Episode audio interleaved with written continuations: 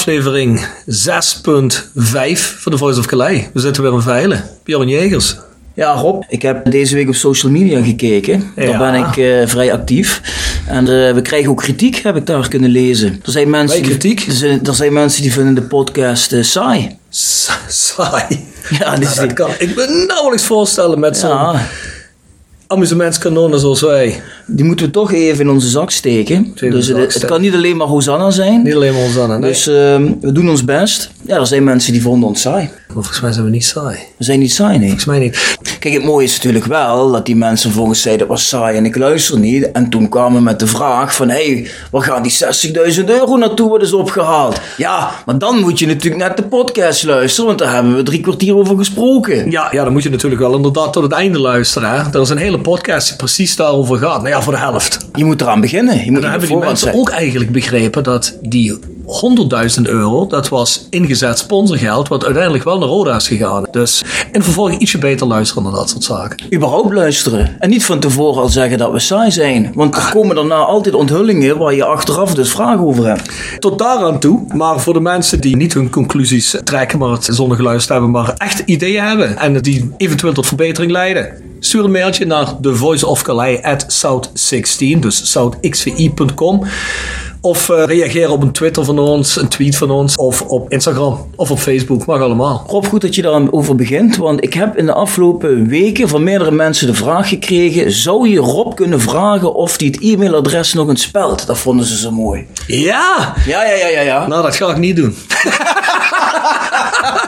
Ja, jammer mensen. Ik heb het geprobeerd, maar Rob wil niet. Het op, Ik heb, ik heb zelf gemerkt in het editen van de podcast dat dat toch niet zo vlekkeloos liep. Dus het- Misschien dat ze niet daarom verteren. Ja, volgens mij wel. Volgens mij wel. Hey, misschien doen we het op het einde wel even. Hè? Wie weet. Goed, joh. Maar, nog even een woordje van dank aan onze sponsoren. Dat Yes. zijn... Jegersadvocaten, hart voor weinig, nooit chagrijnig. Wil je er net zo goed gesoigneerd uitzien als Rob en ik, dan moet je naar Kapsalon, Nagelstudio, Beauty Salon, next door aan de Locht 44A8. Kijk ook even op hun Facebook-site Ja. voor de dames die mooie nagels willen. Even tussendoor, jullie kunnen trouwens ook alle adressen vinden in de beschrijving of omschrijvingen op Soundcloud of Spotify. Ja, daar staan ook directe links in, daar kun je op klikken van al onze sponsoren.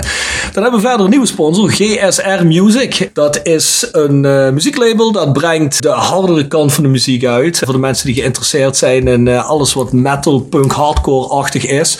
Mijn band Born from Pain heeft er zaken op uitgebracht. Je kunt daar ook merchandise van ons vinden. Bands zoals Madball, Kickback, Archangel voor de mensen die een beetje in die scene zitten. Goed man. Worden allemaal gereleased daar, dus ik neem daar een kijkje. We zitten uiteraard weer bij Ingle, in Hotel Restaurant Veilerhof. Veilerhof en Veilen. We zitten weer op ons vaste stekje. En dadelijk denk ik dat we weer een goede salade krijgen. Of in jouw geval een kaasplankje. Heerlijk Rob. kaasplankje. Ja, ja, dat is jouw Beste dingetje. kaasplankje, ja, Ja, lekker, lekker.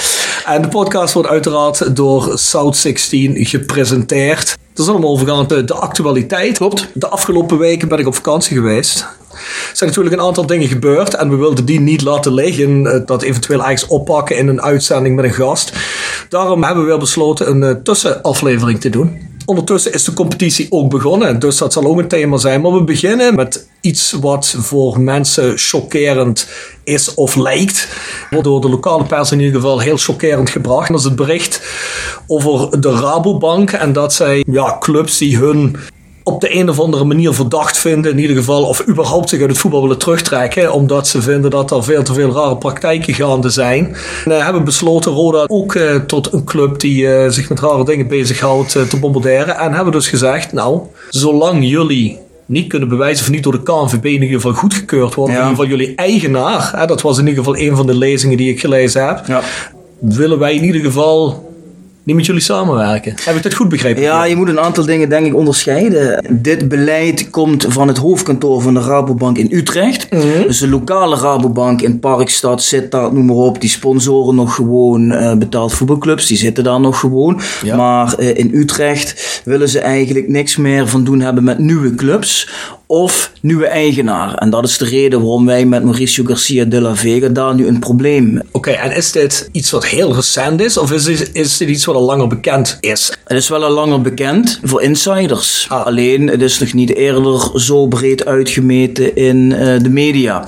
Kijk, en op zich kan ik het beleid wel volgen. Ik bedoel, de banken moeten kritisch kijken naar potentiële eigenaren en geldtransacties. In zoverre kan ik dat wel begrijpen. Maar waar mij wel de broek van afzakt, eh, Rob, is als ik vervolgens hoor dat de Rabobank zegt: als Mauricio Garcia de la Vega 1 euro nu overmaakt naar Roda, blokkeren we meteen de rekening.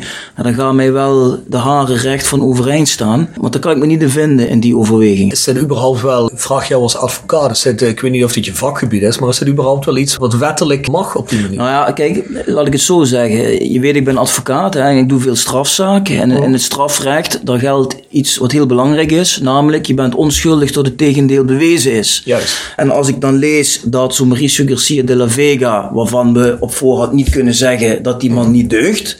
En je zegt dan, zodra jij 1 euro overmaakt, blokkeren we de rekening. Alsof je dus daarmee al wil zeggen, je bent een fraudeur of we vertrouwen je niet. Dat vind ik gewoon de omgedraaide wereld. Kijk, Ja. Mauricio moet gewoon geld kunnen investeren in de club. Ja. En dan is het dan aan eh, de Rabobank om te onderzoeken of die transactie of die door de beugel kan. Maar je kunt naar mijn mening niet op voorhand zeggen, iedere euro die je overmaakt, maakt niet uit hoe het gaat.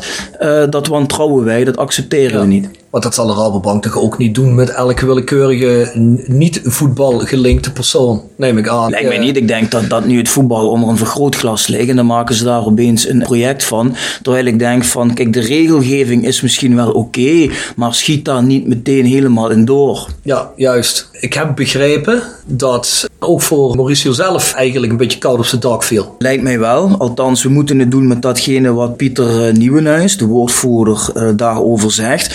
Want ja, goed, het is natuurlijk uitermate vervelend. Kijk, we hebben mensen die de afgelopen weken wel eens geroepen hebben van ja, eh, wanneer gaat Mauricio nou eens flink geld investeren? Ja. Daar zit op te wachten. Ja, dit is dus een van de redenen waarom dat niet is gebeurd. Want als de bank zegt, zodra je dat doet, blokkeren wij de rekening, ja, dan heb je natuurlijk een groot probleem. Ik heb begrepen dat er al oriënterende gesprekken zijn gevoerd met een andere bank. Lijkt mij niet onlogisch. Kijk, als jouw bank dat tegen jou zegt, dan zou mijn eerste reactie zijn: Weet je wat, als jij het niet doet, dan ga ik wel naar de ABN Amro Bank of naar de ING.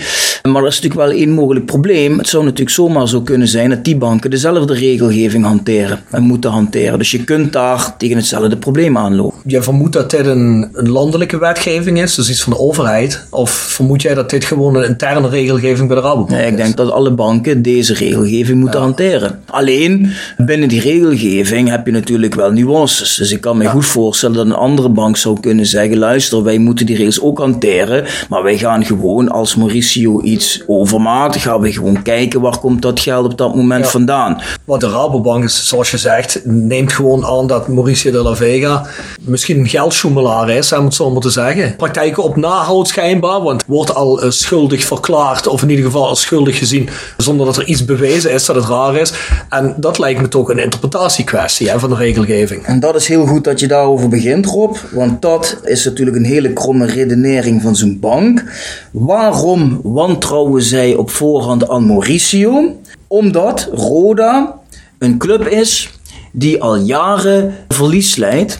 En dan denken die mensen bij de bank, ja, als dan zo'n Mauricio komt bij een verliesleidende club, dat doe je alleen maar als je daar geld wil witwassen of iets dergelijks. Terwijl ze er geen rekening mee houden dat die club misschien al jaren slecht draait, omdat er mensen aan het roer waren die er gewoon niet veel van gebakken hebben. Nou, dat zou toch net de Rabobank eigenlijk moeten weten, hè? Dat zou je wel denken, ja. Dus Was, Rabobank- was de Rabobank niet de bank met de grootste boete destijds in, de, ja, in je zou, 2009? je zou kunnen zeggen dat de Rabobank boter op het hoofd heeft wat dat betreft. Ja. Nou, volgens mij, heel volgens mij, wat ik begrepen heb van het beleid tot nu toe van Mauricio de la Vega, is het zo dat Mauricio pas echt gaat investeren als hij weet dat hij ook daadwerkelijk de vergunning krijgt van KNVB.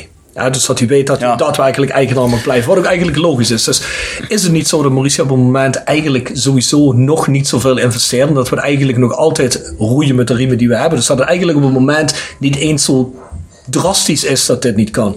Wat ik begrijp in de wandelgangen lijkt het er inderdaad op dat Mauricio nu spelers haalt van het budget wat Rode al heeft. Juist. En hij daar zelf niet in investeert. Dat hij niet investeert, dat hebben we inderdaad besproken, dat lijkt logisch. Want wie gaat nu al geld uitgeven als je niet weet of je van de KVB groen licht krijgt? Ja.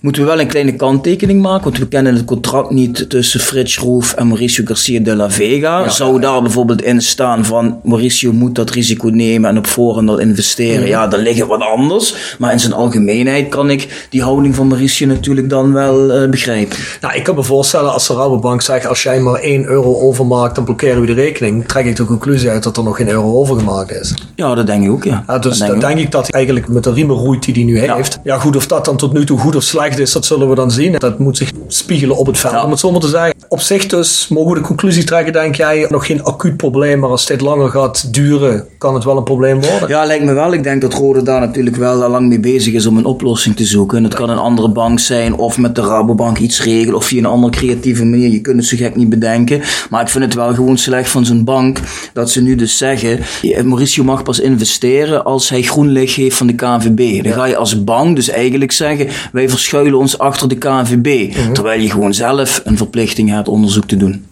Wordt vervolgd. In zover de Rabobank en de implicaties daarvan. Dan heb jij voor ons een updateje van AK.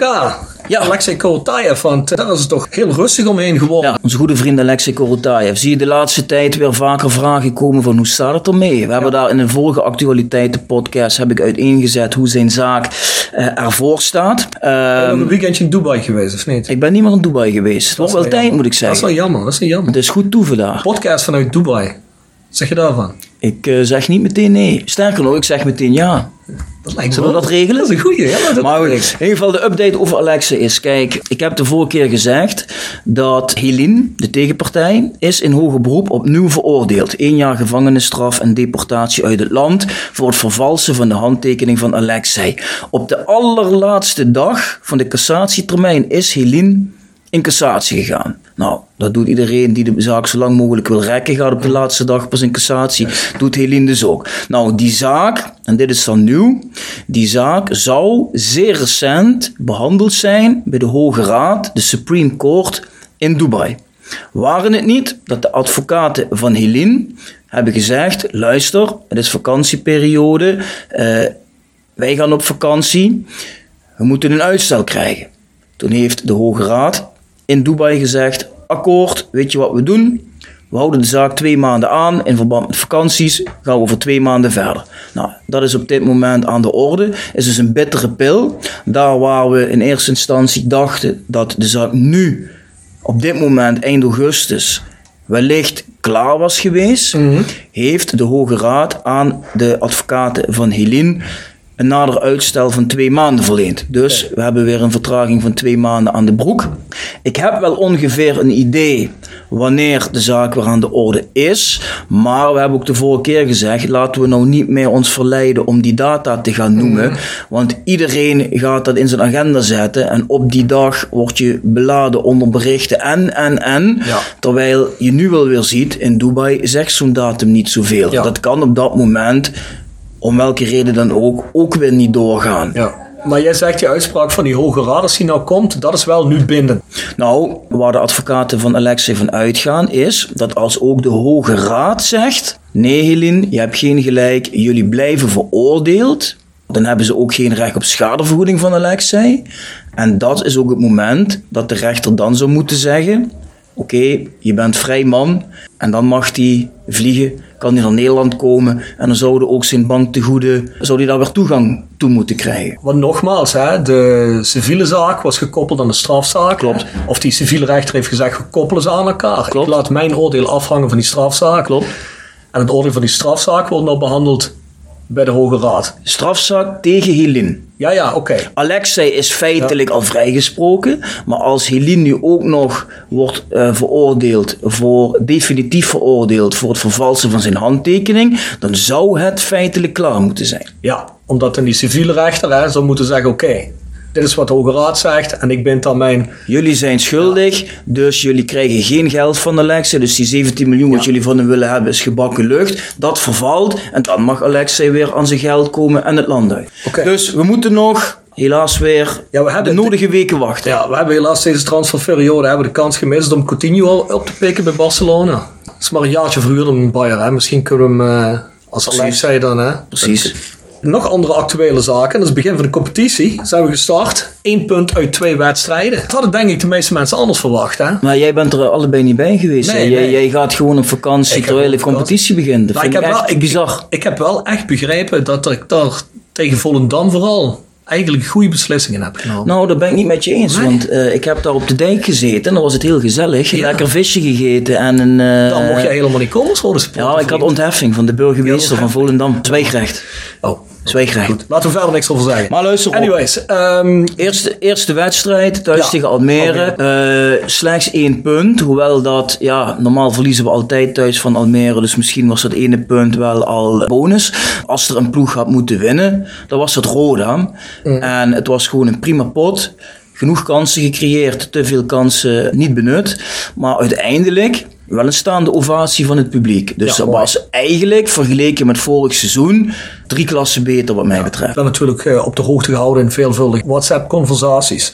En natuurlijk door de boys van ODC Live op Twitter. Ja. Dat nauwlettend heb ik dat gevolgd, want streams zijn niet te vinden van deze wedstrijd, schijnbaar. Veel mensen zeiden, nou, de beste eerste helft die ik in misschien anderhalf seizoen gezien heb. Ja, dat was echt goed. Ik moet echt eerlijk zeggen, voor de eerste keer in een hele lange tijd heb ik gewoon zitten genieten op de tribune. En iedereen die ik sprak had zoiets van, wauw, dit, dit is een beetje het rode wat we willen zien. Er werd gevochten, er werd, Vorige voetbal. er was goed, er, er- er werd aangevallen, er werden kansen gecreëerd, men ging gewoon ervoor. En ja, nogmaals, één punt, maar iedereen stond op de banken, gaf applaus. Nou, mooi. Was natuurlijk jammer van Daryl, die rode kaart, maar goed. ja, nou ja, goed, je kreeg dus de rode kaart van Daryl. De blessure van eh, Mitchell Keulen. Dat was wel een smet op die wedstrijd. En dat trekt zich dan ook door naar de volgende wedstrijd waar we nu over moeten gaan hebben. Ja, want eh, Volendam, ja, je bent er zelf geweest, je was er live bij. Eh, ze hebben alweer door een ondergrens heen gezakt, of was dit, denk je, meer een incident? Ja, dat gaan we natuurlijk morgen zien als we thuis tegen NEC spelen. In hoeverre het een incident was of niet. Het was in ieder geval vele malen slechter dan de week daarvoor. Waarbij ik me niet aan de indruk kan onttrekken dat het gemis van Daryl Werker en Mitchell Keulen zich toch wel behoorlijk deed voelen. Kijk, laat ik het zo zeggen. We zoeken al versterking in de verdediging. En als dan ook nog Werker en Keulen wegvallen. We moesten spelen met Verburg en Alonso als vervangers. En ik heb het idee dat dat toch wel het niveau eh, dusdanig omlaag haalde. Een paar steekpasses waar de verdediging niet goed uitzag. Eén tegen één tegen de keeper die er ook niet heel goed uitzag. Nee. Ja, en dat was met Russell gebeurd. Ja, ik heb zelfs de samenvatting gekeken. Daar kun je natuurlijk niet heel veel in zien, maar je ziet natuurlijk de goals en de aantal hoogtepunten. Als je dan kijkt naar die Volendam aanvallen, zoals jij zegt, dan zie ik toch vooral een niet op elkaar afgestemd centrum. Keeper, moet ik zeggen, maakt ook geen goede indruk bij een Ja. aantal goals.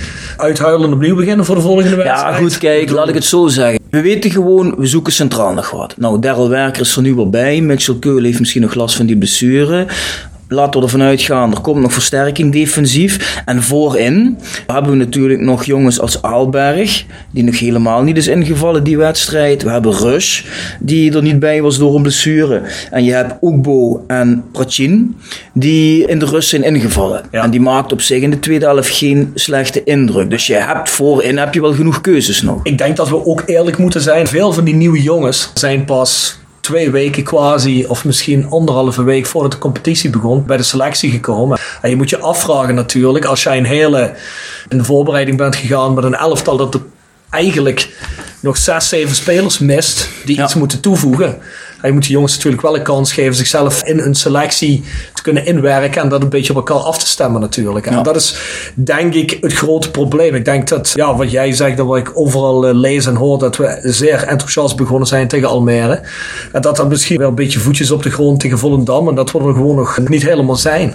Denk ik ook. En er komen nog wat jongens bij, inderdaad, zoals je zegt, die moet je inpassen. Nou, daar moeten we even op wachten. En kunnen we nou ook met z'n allen alvast afspreken dat als we dadelijk nog eh, drie keer verliezen, dat we dan niet meteen gaan roepen Ja. dat de trainer weer ontslagen moet worden en dat soort dingen. Laten we eens een beetje geduld hebben. We hebben een goede trainer, we hebben een aantal goede spelers gehaald. Geef die jongens even de tijd om op niveau te komen, een ritme te vinden. En dan gaan we op enig moment, ben ik van overtuigd, gaan we, gaan we geheid punten pakken. Ja, dat vind ik ook. Alles wijst omhoog in richting opwaarts bij de vereniging. Financieel gaat er weer wat bij. We hebben natuurlijk een beetje die hiccup nou met die Rabobank.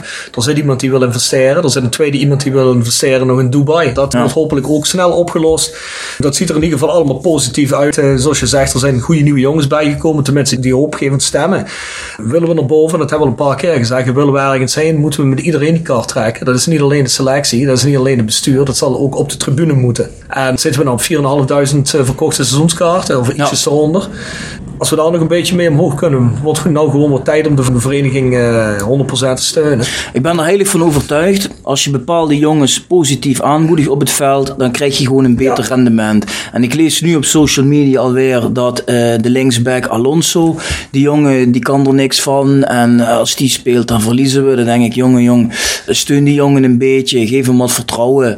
Dan gaat die jongen ook wat beter voetballen. Ik denk dat je zoiets sowieso pas kunt bekijken naar nou, nog niet eens een seizoen zelfs, misschien na een seizoen hoe iemand functioneert. Ik bedoel, we weten uit het verleden, maar al te goed als we hier mensen afbranden en uitfluiten vanaf de tribune en uitjouwen, dat die lui weggaan bij ons en bij een andere vereniging opeens weer op niveau spelers. Waarom zou het niet andersom proberen? Kijk, Giuliano van Velzen, die we hier vorig seizoen hadden, die jongen die heeft het van tevoren bij Volendam op dit niveau prima gedaan. Dan komt hij bij Roda. Maar goed, bij de eerste bal die hij verspeelt, wordt hij uitgefloten. Je ziet hem gewoon angstig worden, durft geen actie meer te maken, geen bal te vragen. Ja, en dan krijg je gewoon 20% minder uit die jongen. Dus eigenlijk, door zo kritisch je eigen spelers te benadelen, benadeel je als supporter je eigen ploeg. En daar moeten we eens vanaf. Ja, er mag wel wat meer positiviteit in, dat klopt. En nogmaals, besluitend, hè, iedereen weet dat het de laatste jaren slecht is gegaan. Van de negatieve stemming maak je geen positieve ploeg en geen, uh, geen positieve stemming klinkt heel erg cliché, maar zo is het wel. Nou, uh, we hadden het net al over versterking uh, in de achterhoede. En dat er iets aan zit te komen waarschijnlijk. Ja. Er is op het stadion een jonge verdediger gesignaleerd. De naam Jan Orel Bissek. Ja, klopt. Dat is eigenlijk wel een publiek geheim inmiddels. Jan Aurel Bissek, die zal Rode gaan huren voor de duur van één jaar van uh, FC Köln. Ja. Het is alleen jammer, jongen schijnt nog eh, last te hebben van een blessure. Dus uh, ga er niet vanuit dat hij meteen inzetbaar is. Roep dan ook niet meteen van ja goed, wat moeten we er dan mee? Dit is een Duits jeugd international. Dus laten we vanuit gaan dat het de jongen is die iets toevoegt qua niveau. Was het misschien niet beter geweest om ervaring te huren of te kopen? Vind ik wel. Die ervaringscentrale achterin, die kunnen we goed gebruiken. Maar ik hoor wel in de wandelgangen dat het niet uitgesloten is dat Roda ook nog een ervaren jongen gaat halen. Voor de verdediging. Voor de verdediging. Vind je dat we verder nog ergens versterking nodig hebben op dit moment? Het is natuurlijk moeilijk te zeggen na twee wedstrijden. Ik bedoel, voorhoede technisch hebben we natuurlijk redelijk veel mensen aangetrokken. Ik ben er heel eerlijk in. Ik vind de keeper wel een problematische positie in ons elftal. En als Muiters erin staat, dan moet hem steunen. Maar goed, afgelopen vrijdag in het uitvak werd regelmatig de naam Novakovic gescandeerd. En ik moet eerlijk zeggen, ik ben zelf ook meer gecharmeerd van Novakovic dan Muiters. Maar goed, laten we binnenkort Jean-Paul de Jong eens uitnodigen als gast en dan kunnen we hem dat vragen. Goed, dat zijn we denk ik door de actualiteiten heen. Klopt. We hebben wel nog een aantal mededelingen. We gaan een aantal lichte samenwerkingen aan met een aantal ja. social media accounts. Wat je nu ziet, er ontstaat wel iets van een positieve sfeer rondom Roda. Ja. Nou, wij zijn een beetje in dat gat gesprongen met een podcast, iets wat er nog niet was. Nou, dat doen wij nu. Mhm. We krijgen er hele leuke reacties op. Als mensen echt willen volgen het laatste nieuws van Roda. Kijk dan ook eens op 045 online. Daar heeft eh, journalist Bjorn Timister, die Roda volgt, een leuk item met Inside Roda JC. Die brengt vaak de laatste nieuwtjes. En er is nog een supporter die heel actief is op Twitter. Dat is Mitch van Ewijk. En die heeft het Twitter-account Kaboom045. Moet je maar eens even gaan kijken als je Twitter hebt. En die komt dadelijk met een maandelijkse Roda Roundup. Waarin hij een filmpje maakt en wat actualiteiten van Roda spreekt. Nou, dat soort initiatieven juichen wij alleen maar toe. Positieve sfeer rond de vereniging. Hoe meer nieuws, hoe beter. Hoe meer mensen zich ermee bezighouden, hoe beter. En uiteraard is het niet fout als de supporter meer geïnformeerd wordt. Dat is ook iets waarvoor wij hier zitten. Want we zijn de afgelopen jaren veel te weinig geïnformeerd. Dus ondersteun die initiatieven. Ja, dan gaan we eigenlijk over tot ons uh, laatste item in deze actueel. We hebben ook een speciale gast. We hebben een hele speciale gast. Die is uh, aangedragen door Lonnie van de Fanshop. Dat is een Franstalige meneer, Frederik Roda. Die woont in Wales. Hij gaat dus nu met de naam Fred Roda door het leven. En die meneer eh, was vroeger fan van Paris Saint-Germain. Ja. Eh, had een seizoenskaart. Grote fan van Pierre Vermeulen en een middelsupporter van Roda. Gaat morgen naar de wedstrijd tegen NEC en is nu hier. En die heet ook Roda, zoals Roda JC. Wie? Ja? Wie wie? En heeft hij zich onbenoemd of is het toevallig? Nee, dat is, eh, dat is toeval. Dan moeten we zeker een paar vragen die meneer stellen. Gaan we doen. Ja, beste luisteraars, we moeten dus wel even naar het Engels overschakelen, want onze gast spreekt alleen maar Frans en Engels. Nou, Ja. Frans is nog wat moeilijker, dus laten we het in het Engels doen.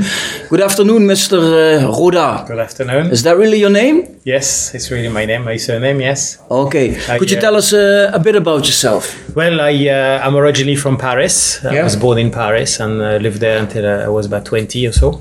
And uh, I uh, moved to uh, to Britain then to, uh, to- I'm a French teacher now in, uh, in Wales. Okay. And, Okay. uh, so that's what I do. So I've got a family over there now, with children in uh, in Wales. But uh, originally in Paris, I used to support Paris Saint Germain, and uh, obviously you know there was a very important player in uh, 1985 Yeah. who signed for Paris Saint Germain. Who was he? Mr. Pierre Vermeulen. Ah, Pierre Vermeulen. Yeah. Ah, we know him. We know that guy, yeah. Yes. and when he signed, actually for the first season, the Paris Saint Germain won the, the league, the French league, for the first time. And then you had season tickets that And I had a season ticket with my father. Yes, my father had season ticket for six years, and uh, I had season ticket. For, I can't remember exactly, maybe three, four years, but I remember the 85, 86, Yeah. 87 seasons. I remember them really well. Okay. And how, how was he as a player, Pierre? He was very, he was good. He was very good. He was a good signing. He was uh, he was skillful and uh, he was fast and. Because we want to know for sure, because there was no social media in those days, so maybe he was lying to us, you know. I so- found a video on Ah. YouTube actually when uh, in the first one of the first games of the season against Bordeaux. Uh, Bordeaux was champion the year before. He takes the ball, goes around the corner and uh, and wing and strikes or uh, um, uh, uh, kicks the ball over into the the penalty box, and another player called Pilorget heads the ball into the net, and uh, and Paris Saint-Germain win one 0 at that day. Amazing. So Yeah. uh, I found the video. It's on YouTube. But, uh, I have it on my phone as well. I Yeah. And so now your last name is actually Roda. My last name So Roda, you are a Roda supporter too, I, guess. Exactly. When yes. when did that start? Um, well, when I was young, I, I don't know when exactly, but I realized there was a, a club in the Netherlands called Roda as well. And uh, I sort of got interested in it, and uh, and they were doing pretty well. And uh, the team that was in, uh, in the top division as well Yes. uh, played in uh, the European Cup. So I tried to follow them, and uh, since then I've just uh, had an interest in the team. So now you you you see all the results on So your, on now your I've phone. got an app now, and I follow the, the club. Yes, I follow all the results, and. Uh, And did you know that uh, Pierre Vermeulen used to play football for Roda? No, I didn't actually. Uh, I no, no. At the time, I didn't, and uh, it's actually what happened is last year I contacted the club because I wanted to buy a hat. Yeah. Because I knew the name Roda was on it, Yeah. and the shirt as well. And uh, one person put me in touch with another one, another one, and they said to me, "Look, uh, because your name is Roda, you could have tickets to come and uh, and see some a game." And uh, the person who could show you the around the stadium is an uh, an ex-player called Pierre Vermeulen. And that's when I realized, I thought, yeah, Yeah. hang on a minute, I know this name, I remember that. so I looked up and he was the same guy as the guy Yeah. I used to support It's a great story. years before. So tomorrow you're going to the game, Yes, I'm going to the game tomorrow. and you did some uh, some interviews today. Yes, earlier we had an interview uh, with Pierre, and uh, Pierre was asking me a few questions and talking to French to me because he, he still speaks some good French. Oh, good, good. And uh, yeah, we talked about players of the time. Yes, I don't know. You might remember some names. Guys who used to play for France, France as well. Uh, Luis Fernandez was one of them.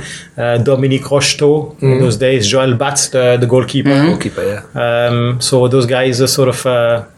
Uh, yeah, I was 15, 16 at the time, so they Yeah. were my, my heroes really, and uh, Yeah. and Pierre was one of them as well. But we have to warn you: if, if you go to the game tomorrow, we are not as good as PSG.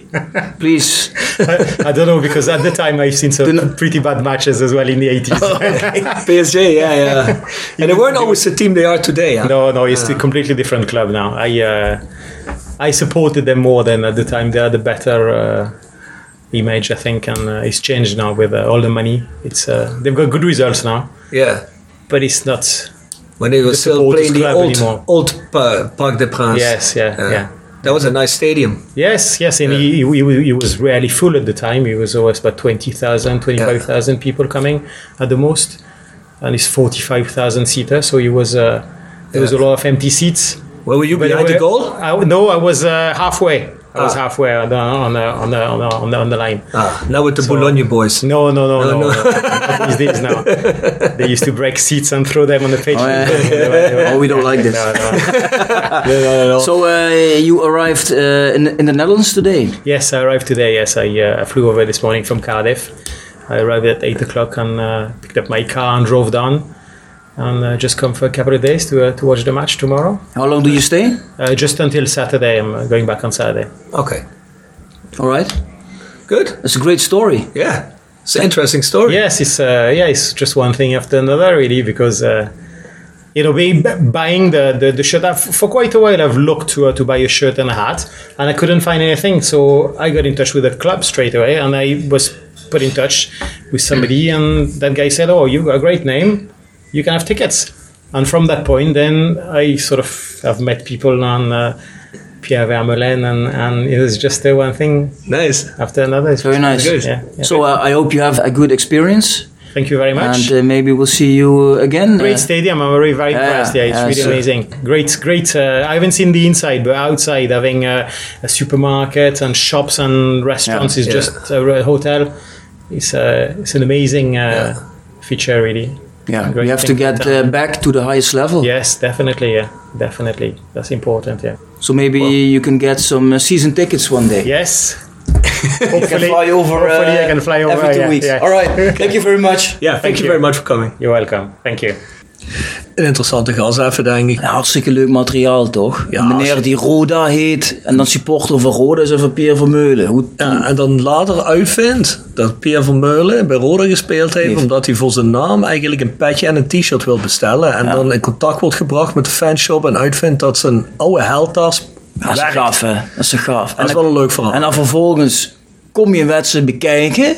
En dan mag je ook nog bij de Voice of Calais podcast aanschuiven. Die man moet toch de tijd van zijn leven hebben. Die man zijn transferwaarde is net gestegen met 25.000 euro. Denk het ook. Want jij kijkt toch ook op transfermarkt? Iedere dag. Elke Iedere dag. dag. Nog een keer bedankt aan Nextdoor Kapsalon Nagel en Beauty Salon.